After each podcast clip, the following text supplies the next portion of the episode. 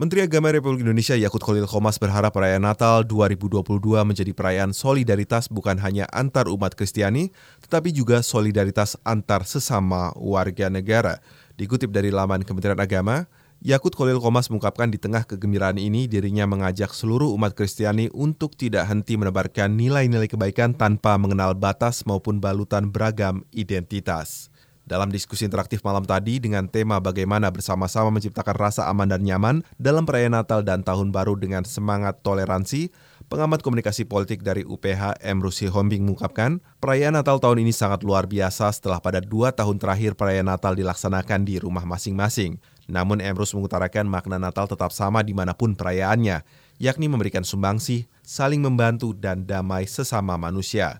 Natal mengajarkan kebersamaan, pluralitas, kebinekaan menjadi sesuatu yang harus dijunjung bersama. Perayaan Natal kali ini sangat luar biasa bahwa kita dengan uh, uh, secara baik dan khusus kita melakukan uh, acara atau perayaan hari Natal di mana sebelumnya karena COVID-19 kita merayakan Natal di rumah kita masing-masing. Sebenarnya makna Natal dari sudut penyelenggaraan apakah kita melakukan seperti sekarang yang sangat uh, bagus yang tertata dengan baik di gereja dan juga melakukan misalnya beberapa tahun yang lalu iya. acara yeah. Natal kita di rumah masing-masing saya kira makna Natalnya tetap sama bagaimana kita bisa uh, menjadi bagian dari di tengah masyarakat kita bisa uh, memberikan apa sumbangsi uh, saling membantu dan damai sesama kita baik uh, dari berbagai kalangan, sekalipun kita bisa saja berbeda dari sudut katakanlah latar belakang sosial termasuk uh, agama, tetapi makna Natal mengajarkan bahwa uh, kebersamaan, pluralitas, kebinekaan menjadi sesuatu hal yang harus kita junjung bersama dan kita harus mengasihi uh, sesama manusia dengan berbagai latar belakang yang berbeda. Terlepas daripada pendekatan religiusitas, secara sosiologis adalah perayaan Natal uh, bersama-sama di rumah ibadah. Saya kira sangat bagus sekali karena apa? Kita bisa uh, bersalaman, bisa kita ber, uh, bercerita, kita bisa saling bertukar uh, uh, uh, pengetahuan dan pengalaman tentang uh, menjelaskan tentang bagaimana kita uh, menikma, apa, memaknai daripada Natal tersebut. Salah satu tadi uh, pesan Pak Pendeta mengatakan bahwa uh, sudah kurang lebih kita dua tahun uh, tidak melakukan acara Natal di gereja, tapi kali ini kita melakukan dengan sangat uh, hikmat dan sangat luar biasa.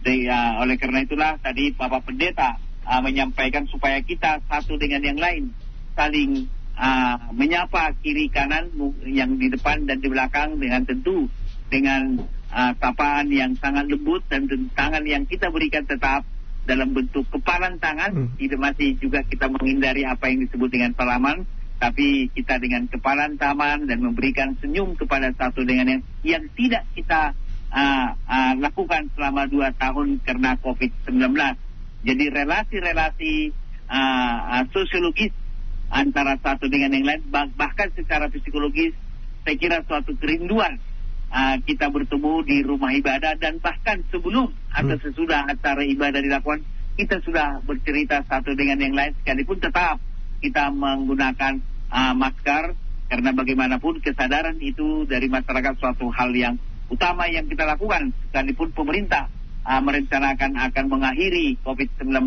ini tetapi kesadaran masyarakat menjadi suatu hal uh, yang baik sehingga COVID-19 uh, bisa segera berakhir uh, dari negeri kita. Saya kira sederhana kalau menurut pandangan saya.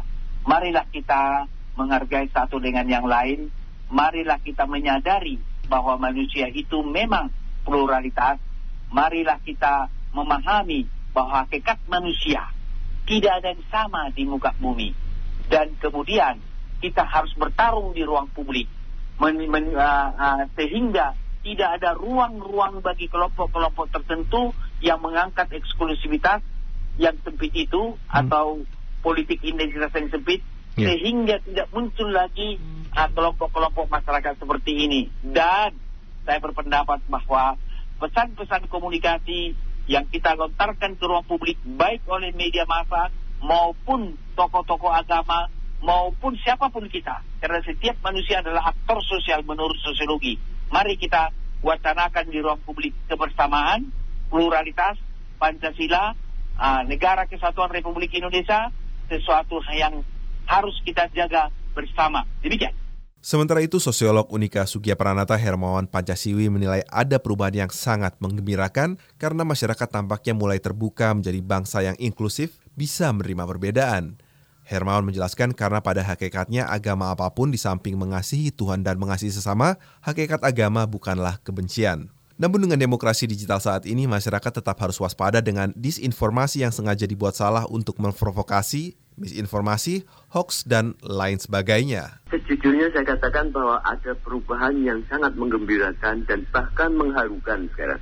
Beberapa kota saya lihat itu berani berben, berani berdandan dengan dengan apa namanya atribut-atribut Natal seperti misalnya kota Solo, Surabaya juga mendirikan 18 pohon Natal besar-besar di beberapa tempat. Jakarta juga mempunyai beberapa panggung Natal di beberapa tempat dan sebagainya. Juga tadi saya dengarkan bagaimana Bupati Bandung, Kapolres Bandung dan sebagainya mengucapkan selamat Natal. Hal-hal yang dulu, hal-hal yang dulu diperdebatkan, yang dulu di apa namanya dipersoalkan ngalor ngidul ngetan bali ngulon orang Jawa bilang begitu dan tidak pernah ada solusinya, tidak pernah ada kata kon, kata konklusif atau kesimpulan. Sekarang orang-orang mulai berani mengekspresikan dan ini terus terang mengingatkan kembali eh, masa-masa ketika dulu kita, kita masih kecil dan masih tidak mempersoalkan hal-hal yang seperti itu. Dan sekarang nampaknya kita mulai terbuka lagi menjadi bangsa yang inklusif, masyarakat yang inklusif, masyarakat yang bisa menerima perbedaan. Dan ini sesuatu yang terus terang menggembirakan. Karena sebetulnya kita, kita harus menyadari hakikat agama, agama apa pun adalah di samping mengasihi Tuhan, juga mengasihi sesama. Hakikat agama bukanlah kebencian. Karena itu menurut saya bahwa ketika ada perayaan-perayaan keagamaan seperti Idul Fitri, Natal dan sebagainya, maka itu sebetulnya merupakan apa namanya peristiwa kemanusiaan yang juga punya dimensi di samping dimensi vertikal ke Tuhan, juga dimensi, dimensi horizontal ke sesama manusia.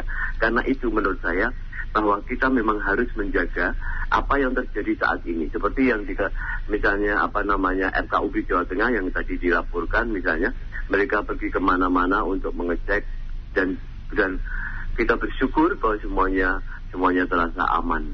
Demokrasi kita itu demokrasi digital yang memungkinkan dimunculkan disinformasi. Jadi informasi yang sengaja dibuat salah untuk memprovokasi masyarakat, ada misinformasi, ada hoax, ada macam-macam dan itu itu dipakai, dipakai untuk dipakai untuk apa namanya menciptakan suasana keruh. Nah ini ini yang harus kita waspadai. Jadi sekali lagi edukasi masyarakat, masyarakat dibuat melek bahwa ada sesuatu yang tidak beres ketika ada begini begitu dan sebagainya. Seperti itu. Paling tidak untuk Natal yang kita selenggarakan hari ini dan besok sesuatu yang menggembirakan, yang bahkan saya katakan mengharukan. Itu bagaimana masyarakat sudah mulai terbuka, sudah mulai semakin toleran, semakin inklusif, bisa apa namanya uh, membolehkan masyarakat umat Kristiani merayakan mengekspresikan Natal mereka dan sebagainya perayaan itu dengan baik. Dan kita berharap bahwa tahun baru besok tahun baru besok juga hal-hal itu terjadi. Tapi satu hal yang kita harus waspada pandemi belum berakhir pandemi belum akhir. Meskipun kemarin itu yang terinfeksi baru di bawah seribu tetapi tetapi bisa saja bahwa itu akan meningkat ketika kerumunan di mana-mana terjadi. Jadi sebetulnya kita sekarang yang kita hadapi bukan hanya keamanan yang bersifat keamanan fisik semacam keamanan-keamanan seperti pada umumnya tapi juga keamanan dalam arti kesehatan kita tentang tentang pandemi dan sebagainya. Karena itu saya berharap bahwa kita semua berhati-hati dan menjaga diri sendiri menciptakan rasa aman baik itu diri sendiri maupun lingkungan. Jadi harapan saya seperti itu. Demikian rangkuman diskusi interaktif dengan tema Bagaimana bersama-sama menciptakan rasa aman dan nyaman dalam perayaan Natal dan Tahun Baru dengan semangat toleransi.